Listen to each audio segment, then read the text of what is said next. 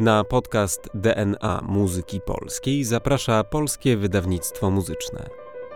Dzień dobry Państwu. W cyklu DNA Muzyki Polskiej wita Państwa Mariusz Gradowski.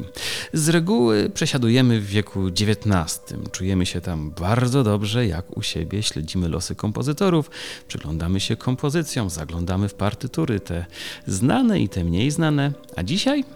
Dzisiaj będziemy znacznie bliżej współczesności ponieważ y, przestrzenią, w której będziemy się poruszali, jest przełom wieku XX i XXI. Jaki to ma związek z tematem naszego podcastu? Bardzo prosty. Fryderyk Chopin jest y, tą postacią, która w DNA muzyki polskiej właściwie się wprost nie pojawia. On gdzieś tutaj y, widnieje w tle, Wątki szopenowskie się oczywiście gdzieś u różnych kompozytorów trafiają, ale bohaterem nie jest. A dzisiaj będzie, ale nie wprost. Jak to wszystko możliwe? Jak to pogodzić? Jak to zrozumieć? Już tłumaczę. Zanim to jednak zrobię, muszę przedstawić osobę, która ze mną jest w studio. Doktor Marta Tabakiernik. Dzień dobry. Droga Marto, napisałaś świetny doktorat, którego bohaterem w jakimś sensie jest właśnie twórczość Fryderyka Chopina, ale potraktowana bardzo szczególnie jako twórczość, która promieniuje, twórczość, która inspiruje właśnie w tym zakresie, o którym wspomniałem wcześniej. I o tym wszystkim chciałbym, żebyś nam dzisiaj opowiedziała. I zacznijmy od tego. Dlaczego Fryderyk Chopin? Fryderyk Chopin w jakiś sposób wtargnął w moje życie, e, przede wszystkim zawodowe, gdyż w pewnym momencie Niedługo po studiach związałam się z Narodowym Instytutem Fryderyka Chopina, gdzie trafiłam do Muzeum Fryderyka Chopina. A z drugiej strony, to moje drugie skrzydło, e, to było zainteresowanie muzyką współczesną. Podczas studiów muzykologicznych w Warszawie pisałam zarówno pracę licencjacką, jak i magisterską o takich dziełach, w których kompozytorzy współcześni odnosili się w różny sposób do konwencji, do tradycji, grali gdzieś z tymi tradycjami w postmodernistyczny sposób, w postmodernistycznym kontekście. I przyznam szczerze, że podejmując decyzję o podjęciu studiów doktoranckich, ten temat mi się wydawał czymś bardzo ciekawym. Zorientowałam się, że nie jest on opracowany monograficznie, nie jest gruntownie przebadany, a wręcz różni autorzy pozostawiali właśnie takie trzy kropki w swoich referatach, artykułach. I no, było to dla mnie takie podjęcie pałeczki. Bardzo chciałam się z tym zmierzyć, chciałam to sprawdzić, więc stąd ten temat Chopin i muzyka współczesna. Tak, takie trzy kropki są zawsze inspirujące, kiedy ktoś mówi, ale to wykracza poza przestrzeń naszej pracy. To wymaga dalszego zbadania. Rozumiem, że to cię zainspirowało i to cię zafrapowało. To teraz dopowiedzmy, bo nie wszyscy wiedzą. Ja wiem, ale nie wszyscy. Jaki był temat twojej pracy dokładnie? Tytuł pracy to recepcja Fryderyka Chopina w twórczości kompozytorskiej po 1970 roku, studium zapożyczeń. To teraz tak, 1970, 2020, 50 lat, bardzo ładny kawałek czasu, można sobie to ładnie ułożyć. Ale ciekawi mnie, czy to znaczy, że przed 1970 rokiem ta recepcja jest już nieźle zbadana, czy po prostu ten wycinek półwiecza był dla ciebie interesujący i tak się ładnie układał. Zresztą też prawdopodobnie ta granica postmodernizmu jest tutaj dosyć istotna. Ale ciekawi mnie, czy przed 1970 rokiem, czy tamten czas y, jest dobrze przebadany? Mm, miałam wrażenie, że y, jest znacznie więcej opracowań poświęconych właśnie tym kompozycjom, powiedzmy do połowy wieku XX. I tu też wydawało mi się, że nie tylko ważna jest ta zmiana stylistyczna, zmiana pewnych narzędzi muzykologicznych potrzebnych do interpretacji muzyki współczesnej, ale też i po prostu pewna pasja do tego repertuaru. E, stąd te takie czynniki, te okoliczności, które sprawiły, że właśnie wybrałam to 50-lecie Oprócz tego faktycznie jest to okres, który uznałam, że da się wyodrębnić. Ta cezura 1970 jest pewnym znakiem, jest tym czasem, którym kompozytorzy w sposób inny zaczynają zwracać się do tradycji i tu szczególnie powrót do muzycznych zapożyczeń, które mają pewną określoną funkcję w kompozycjach, był zjawiskiem powszechnym. Tak, to tutaj powiedziałem o tym postmodernizmie, to właśnie mając na myśli, że około roku 1970 ten nurt filozoficzny zaczął bardzo silnie wpływać także na twórczość artystyczną. Dlatego domyślam się, że ta, ten okres półwiecza ładnie zbiega się właśnie z tym postmodernizmem i to, to widać w swojej pracy bardzo dobrze. Zastanawiam się, y, z której strony to twoje dzieło ugryźć. No bo tak, y, z jednej strony jest dużo koncepcji w ogóle, jak myśleć o muzyce w muzyce, bo trochę o tym tutaj mowa. Z drugiej strony, jak badać same zapożyczenia. To może mm, zacznę od tej kategorii, którą rozwijasz w całej swojej pracy, a która wydaje mi się kluczowa. Modelowanie. Czy możesz o tym słówko powiedzieć? Było dla mnie bardzo dużym wyzwaniem znalezienie metodologii do opisu zjawisk muzyce, muzyki w muzyce, w tym repertuarze, w którym się poruszałam. Miałam pewne obserwacje. Wydawało mi się, że na przykład bardzo często stosowane pojęcie cytatu jest tak naprawdę pojęciem nieostrym, ponieważ nie odzwierciedla ono tak naprawdę tego, co kompozytorzy robią z danym materiałem, jak oni nad nim pracują. To, że oni przywołują jakieś dzieło, czyli w pewnym sensie je cytują, jest zrozumiałe. Natomiast e, co konkretnie, jakie to są zabiegi, jakie jakości muzyczne są poddawane zmianom, e, tu to pojęcie wydawało mi się niewystarczające. I stąd ten pomysł, by właśnie zbudować nową typologię. Ona się opiera na trzech filarach, na kategorii modelowania, metamodelowania i montażu. Wydawało mi się właśnie, że ta propozycja jest adekwatna do opisu bardzo różnych zjawisk polegających na muzycznych zapożyczeniach. To modelowanie poza tym ma taki aspekt dynamiczny. Pokazuje, że coś jest przekształcane, że jest jakiś model pierwotny, ale jest jakiś twórczy aspekt. Stąd na przykład nie czułam się komfortowo z pojęciem transkrypcji. I tu moja propozycja analityczna mm, wychodzi właśnie mm, naprzeciw muzycznej strukturze.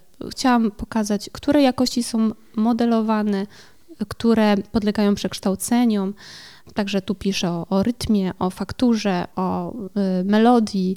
Te rzeczy można dzięki tej metodzie bardzo klarownie pokazać.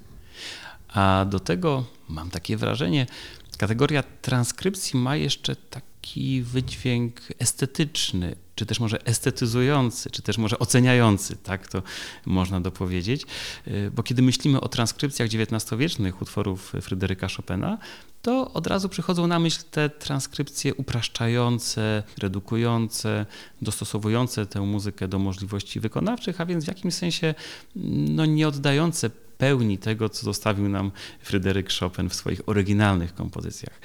E, oczywiście one były potrzebne, one były praktykowane, one miały swoje miejsce, ale no gdzieś ten pierwiastek artystyczny często w nich e, umykał. A kategoria modelowania wydaje mi się znacznie bardziej przeźroczysta, pokazuje pewne procesy, pewne pomysły, kierunki, które się mogą zadziać, ale niekoniecznie niesie ze sobą to ocenianie. Oczywiście muzykolog, który mierzy się zwłaszcza ze współczesnym repertuarem, ma trudne zadanie. Musimy mieć tą świadomość, że kompozytorzy nie zastanawiają się nad tym, czy oni coś modelują, transkrybują, czy cytują, czy stosują jeszcze jakiś inny intertekstualny zabieg nazwany przez jakiegoś badacza. Oni po prostu tworzą, mają jakąś koncepcję, stąd tutaj w mojej pracy e, wielokrotnie uwypuklam pojęcie konceptu, bo ono mi się wydaje też pewnym kluczem do zrozumienia tego, dlaczego twórcy w jakiś konkretny sposób nawiązują do twórczości Fryderyka Chopina.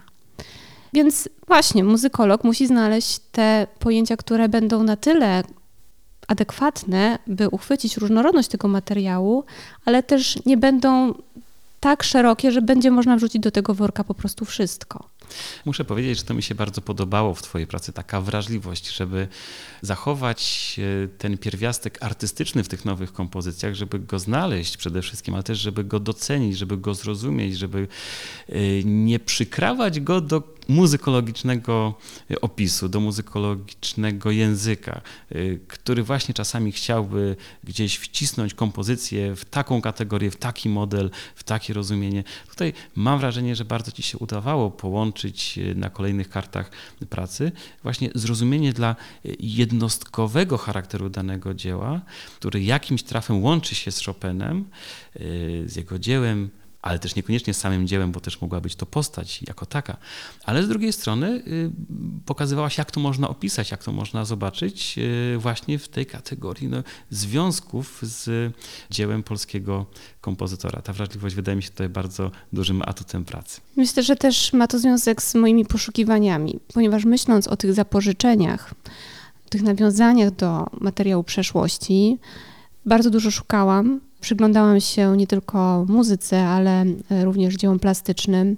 Myślałam o tym, dlaczego w ogóle twórcy sięgają po to, co, już było, dlaczego oni przytaczają, zwłaszcza kanoniczne dzieła, bo musimy mieć też tą świadomość, że Chopin występuje po prostu też jako przykład kompozytora muzycznego kanonu i nie mówię tego po to, żeby powtarzać coś, co wszyscy wiedzą, ale właśnie, że jest to pewien gest artystyczny.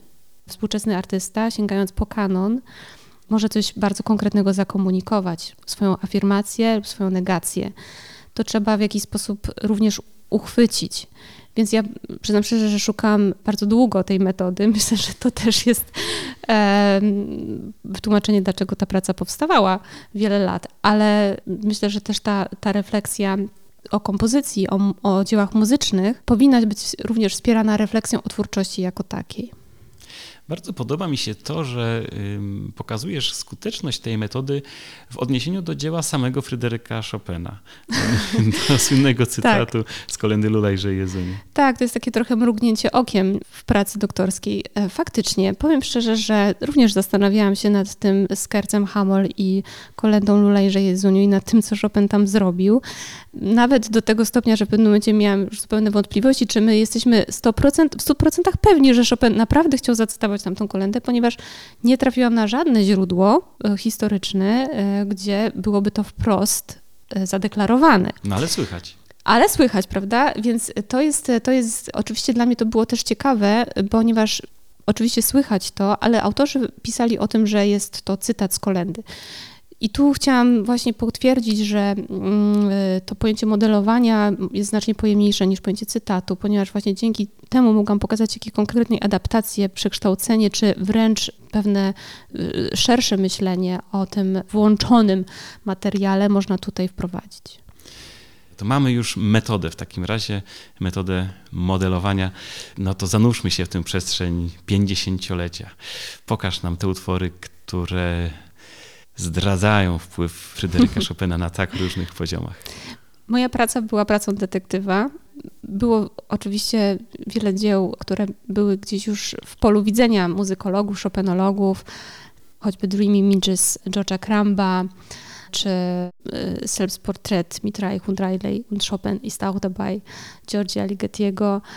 Natomiast cały szereg utworów tak naprawdę był wyszukiwany. Na początku nawet miałam takie momenty zwątpienia, czy uda mi się zgromadzić taki repertuar, który będzie w ogóle godny tego tematu Chopinowskiego, bo nawet pamiętam z seminariów, że y, często były to kompozycje, te, które prezentowałam, to były po prostu nie najwyższych lotów kompozycje, takie raczej powstające z jakiejś okazji, y, jednorazowe.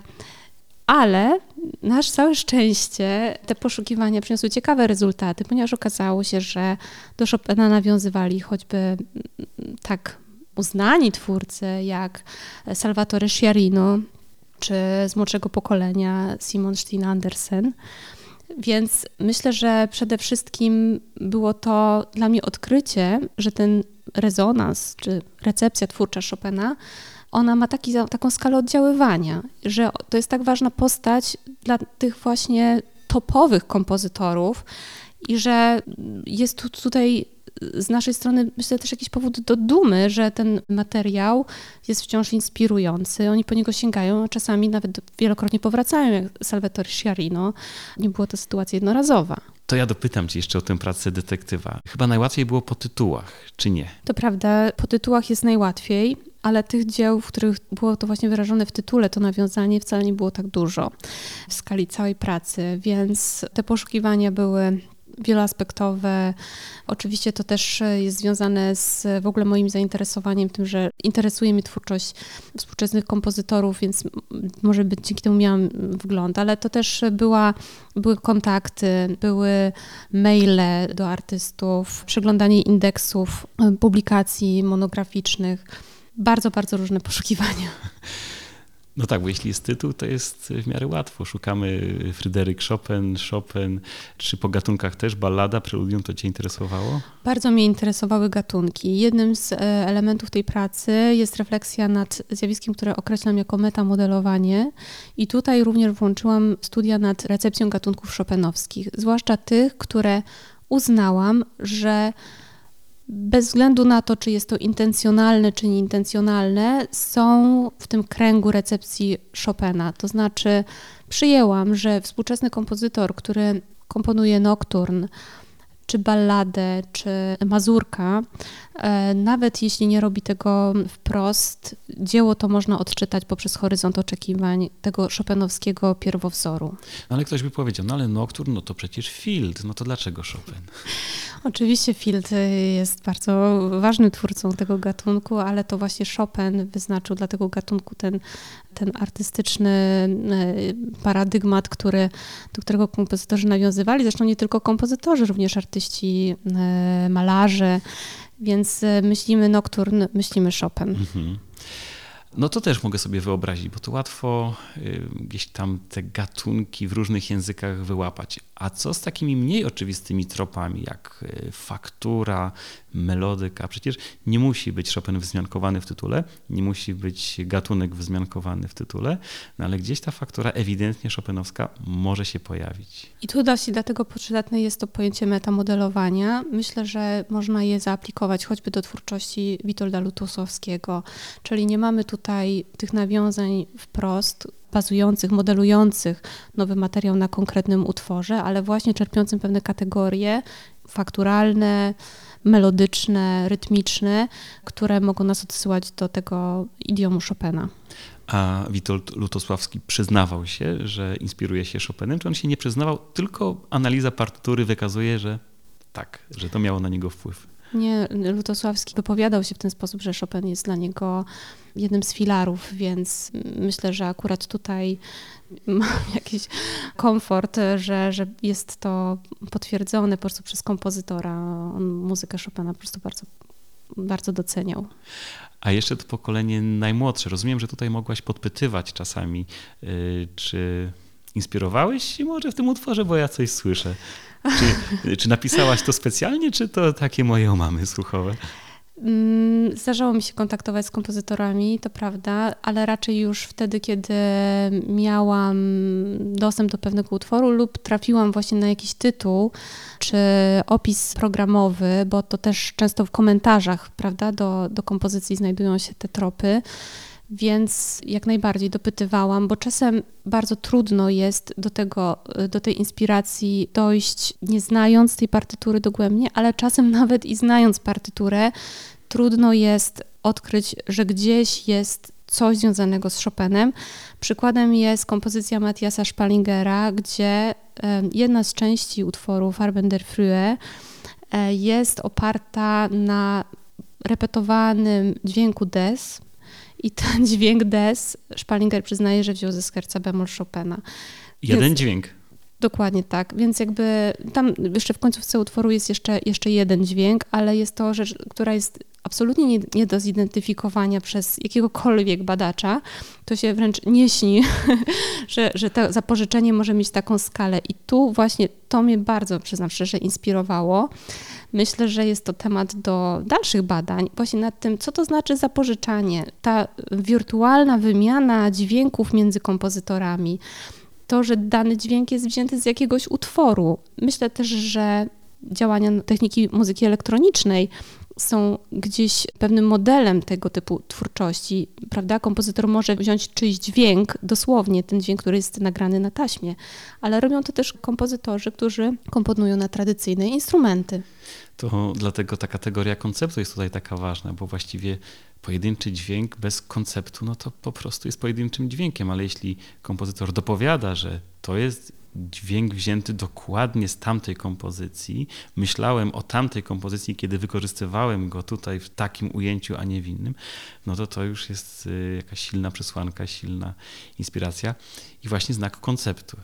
I tutaj przychodzi e, mi na myśl dzieło, które myślę, że jest bardzo dobrze znany wszystkim słuchaczom, czyli trzecia symfonia Henryka Mikołaja Góreckiego, gdyż tam właśnie w trzeciej części repetowane są e, powielokroć akordy, e, dwa akordy, które Górecki zapożyczył e, z Mazurka Chopina i na nich buduje całą formę tej, tej, tej części kompozycji. I to są dwa akordy z trzyakordowej sekwencji, więc wydaje mi się, że dzięki temu one nie brzmią tak oczywiście, że są wzięte z tego mazurka, e, mazurka Amol op. 17 numer 4, ale mimo wszystko one tworzą bazę tej kompozycji. I wiedząc, że jest to symfonia pieśni żałosnych o bardzo konkretnej treści, o bardzo konkretnym przesłaniu, w połączeniu z tym źródłem szopenowskim, ja myślę, że tworzy się jakaś po prostu pełnia znaczeń i, i, i to mnie bardzo interesowało, właśnie to, dlaczego kompozytorzy sięgają po Chopina.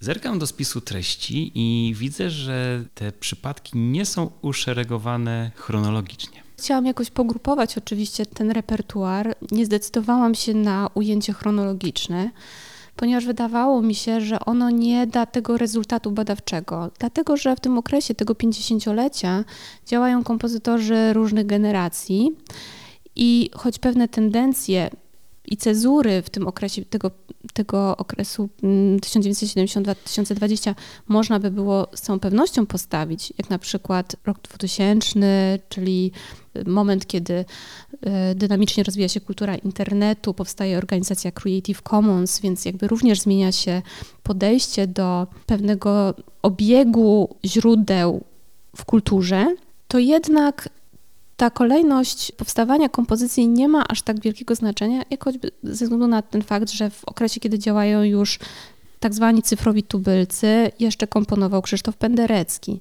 dla którego kultura internetu, dla jego twórczości nie miała tak wielkiego znaczenia, więc tu stąd zdecydowałam się na pewne uporządkowanie właśnie takimi kategoriami ilościowymi.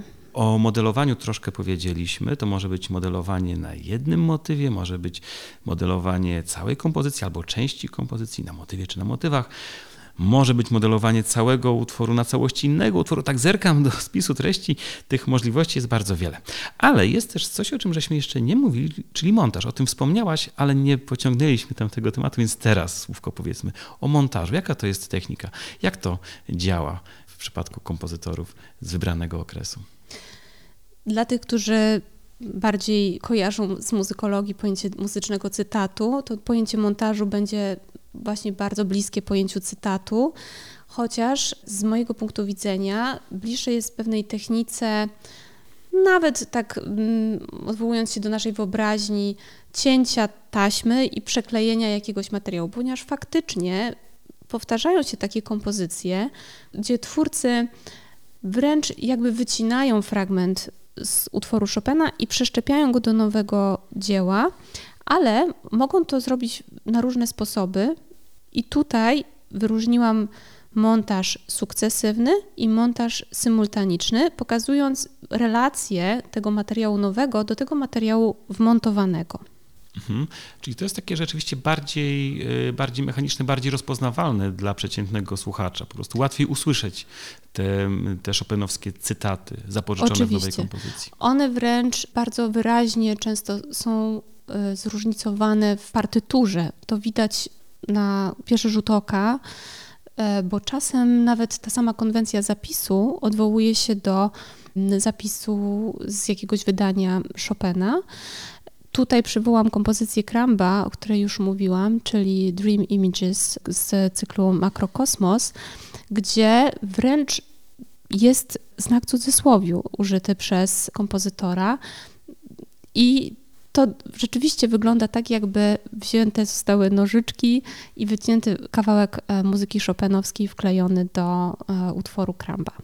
Hmm. Tutaj też domyślam się, praca detektywistyczna była pożądana, bo nie wszystkie wklejki, jeśli mogę tak powiedzieć, były oznaczone w czytelny sposób. Dokładnie. Mimo, że jak pisał Nelson Goodman, w notacji muzycznej nie istnieje znak, właśnie ten cudzysłów, prawda? Chociaż można by go było wprowadzić, czemu nie? To w większości przypadków ten materiał po prostu nie jest oznaczony, jest ukryty. No i tutaj na tym polega cała zabawa. To teraz mam ochotę dopytać Cię, żebyś powiedziała, które Twoje odkrycia były najbardziej zaskakujące, które wzbudziły Twój uśmiech, a i tu jest Chopin ukryty. Co było takim zaskoczeniem dla Ciebie jako badaczki? Pamiętam, że bardzo polubiłam e, kompozycję Salvatore Sciarina e, Come seu namico, opartą na e, etiudzie Astur z metody metod, czyli takiej kompozycji, która jest rzadko w ogóle przywoływana przez, przez późniejszych twórców.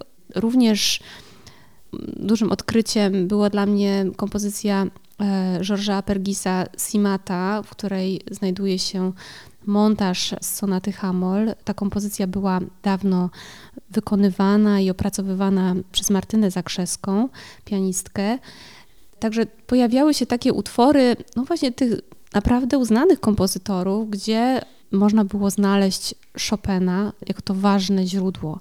I to też pokazuje, że Chopin jest przez twórców cały czas traktowany jako kompozytor nowoczesny, mm -hmm. jako kompozytor inspirujący. Tutaj też e, ważne były dla mnie te opinie kompozytorów, te ich wypowiedzi, z których wynika, że właśnie ta wrażliwość brzmieniowa Chopina, jego nowoczesne podejście, nowatorstwo wręcz e, w pewnych obszarach jest dla nich inspirujące. Jednym z też bardzo ciekawych przykładów jest Chopinowskie podejście do rytmu, do powtórzenia, i tutaj ta repetytywność, która jest również zalążkowa u samego Chopina, pewna redukcja, jak na przykład w preludiach. Zresztą profesor Irena Poniatowska pisała o takim preminimalizmie w twórczości Chopina. To mi się wydawało szalenie inspirujące i faktycznie niektórzy kompozytorzy to była taka tendencja powtarzająca się, traktowali materiał chopinowski jako źródło do zapętleń. Z całą pewnością jest to wpisane też w pewne tendencje kompozytorskie, więc nie uważam tutaj, że tylko materiał chopinowski jest poddawany tym zapętleniom przez tych kompozytorów, jak w twórczości Bernharda Langa, który jest mistrzem lupowania, ale właśnie Lang napisał cykl etiud opartych na etiudach Chopina, gdzie no, powielokroć powtarza pewne motywy. Jest to bardzo ciekawa kompozycja, w sumie też monumentalna, bo jest to rozbudowany cykl. I właśnie to pokazuje, że ten materiał Chopinowski ma olbrzymi potencjał właśnie do tego typu modelowania, do powtórzeń, do nasłuchiwania, do właśnie kompozycji w nurcie minimal music czy innych odmian muzyki opartej na redukcji. Weszliśmy teraz w taką przestrzeń, którą wyodrębniłaś w swojej pracy, która no nie daje się zredukować tylko do kompozycji jako takiej, bo tutaj mamy y, przestrzeń recepcji wykraczającej poza muzykę po prostu jako taką. Recepcja postaci Fryderyka Chopina, jego mitu, jego wpływu na pianistykę chociażby, jego związków z fortepianem. No, jeden z podrozdziałów jest tak właśnie zatytułowany, fortepian, czyli e, wzięłaś i to pod lupę. Utwory, mhm. które są pisane w tym 50-leciu na fortepian, bardzo często nie wprost, ale jednak do Fryderyka Chopina się odwołują i jakiś ten wpływ jego DNA w nich słychać. Z całą pewnością tutaj też trzeba powiedzieć o pewnych artystach, którzy są aktywnymi pianistami, dla których fortepian jest tym podstawowym medium, jak na przykład Zygmunt Krause. I tutaj jest absolutnie oczywiste, że, że sięga on po Chopina w swoich improwizacjach, że jakby to z niego po prostu wyrasta. Mm, dla wielu twórców Chopin jest również pewnym synonimem fortepianu, czy też właśnie chcąc odwołać się do współczesnego myślenia o fortepianie, gdzieś zahaczają o ten wymiar chopinowski. I w tym samym rozdziale pojawia się jeszcze jedna kategoria, którą musimy sobie wyłuskać tutaj chyba już na koniec. Kategoria narodowości. No wiadomo, że w twórczości Chopina się zderzają te dwa oglądy jej, czyli ogląd z perspektywy narodowej i ogląd z perspektywy europejskiej, czy też może ogólnoartystycznej, ponadnarodowej, no jak zwał, tak zwał. Ciekaw jestem, jak ty postrzegasz po przeanalizowaniu ilu utworów, pamiętasz ile to było utworów? Ponad 100 kompozycji było przeze mnie wskazanych, natomiast do takiej analizy wybrałam około 60. Mhm. No to korpus bardzo pokaźny, więc możemy śmiało powiedzieć, jak na przykładzie tych utworów te dwa trendy się ze sobą no właśnie, zderzają, czy może ze sobą, ze sobą dialogują, a może to w ogóle jest gdzieś zawieszone, nieistotne, ten Chopin polski, narodowy, czy też Chopin europejski, ogólnoartystyczny, wysoki. Wydaje mi się, że ten wątek narodowy, wbrew pozorom, właśnie w tym okresie nie jest tak istotny, jak mogłoby się wydawać. Myślę, że to też jest pewne, pewien wniosek istotny, że ten aspekt Chopina jako kompozytora właśnie europejskiego kanonu jest znacznie silniej zakorzeniony jako pewien znak niż e, ten wątek narodowy. On z całą pewnością jest obecny w wielu kompozycjach, jak właśnie choćby ta wspomniana przeze mnie trzecia symfonia e, Henryka Mikołaja Góreckiego, czy Awarsowi Bronisława Kazimierza Przybylskiego, ale nie jest to aż tak ważny motyw twórczości, jak inne kategorie, więc wydaje mi się, że to też może być pewien argument, że właśnie te stereotypy, które są tak silne w kulturze masowej, kulturze popularnej, one nie są zawsze odzwierciedlone w twórczości muzycznej. Wręcz wydaje mi się, że właśnie ten aspekt patriotyczny, a może nawet pewnej kontestacji, negacji tych wartości, że również nie jest dla twórców obecnie tak inspirujący, jak mogłoby to się wydawać, że jest. Kompozytorzy, którzy nie lubią Chopina, raczej nie korzystają z jego materiału w swoich dziełach, chociaż z drugiej strony są też takie utwory, w których ten materiał szopenowski jest potraktowany dość brutalnie i można byłoby mieć wrażenie, że właśnie twórca walczy z Chopinem jako, jako twórcą również, a nie jest to prawda, jest to pewien koncept, właśnie tak jak powiedziałam. Pewne zabiegi są zupełnie nieoczywiste i one mogą zwodzić słuchacza, który nie zna kontekstu tego utworu, nie zna kontekstu twórczości danego artysty. Do tego pewnie dochodzi jeszcze, szczególnie w tym pierwszym dwudziestoleciu badanego przez Ciebie okresu, mam na myśli okres do roku 1990, funkcjonowanie muzyki Fryderyka Chopina w PRL-u. Jeśli chodzi o polskich artystów, oczywiście, bo dla zachodnich to, czy też y, ogólnoświatowych, bo to mm. przecież nie badałaś tylko europejskich artystów, to oczywiście nie miało większego znaczenia, ale jeśli chodzi o polskich artystów, no to ten wpływ propagandy PRL-u na postrzeganie twórczości Fryderyka Chopina mógł być dosyć istotny, a z kolei po roku 90 no to otwarcie mm, na świat, otwarcie granic, otwarcie artystyczne również w jakimś sensie na nowo Fryderyka Chopina ustawiało. To prawda, choć z drugiej strony postawienie takiej tezy z pewnością wymagałoby przepytania bardzo różnych kompozytorów, co nie było celem mojej pracy. Mhm. Ja raczej stwierdziłam, że ta bariera e, związana z e, tym oficjalnym obiegiem tą oficjalną obecnością Chopina w życiu publicznym, czy jego nadobecnością po roku 2010, że ona jest i można to w pewnych dziełach faktycznie wskazać, zdiagnozować. Niektórzy kompozytorzy wprost odwołują się właśnie do tych stereotypów, do tej popkulturowej obecności.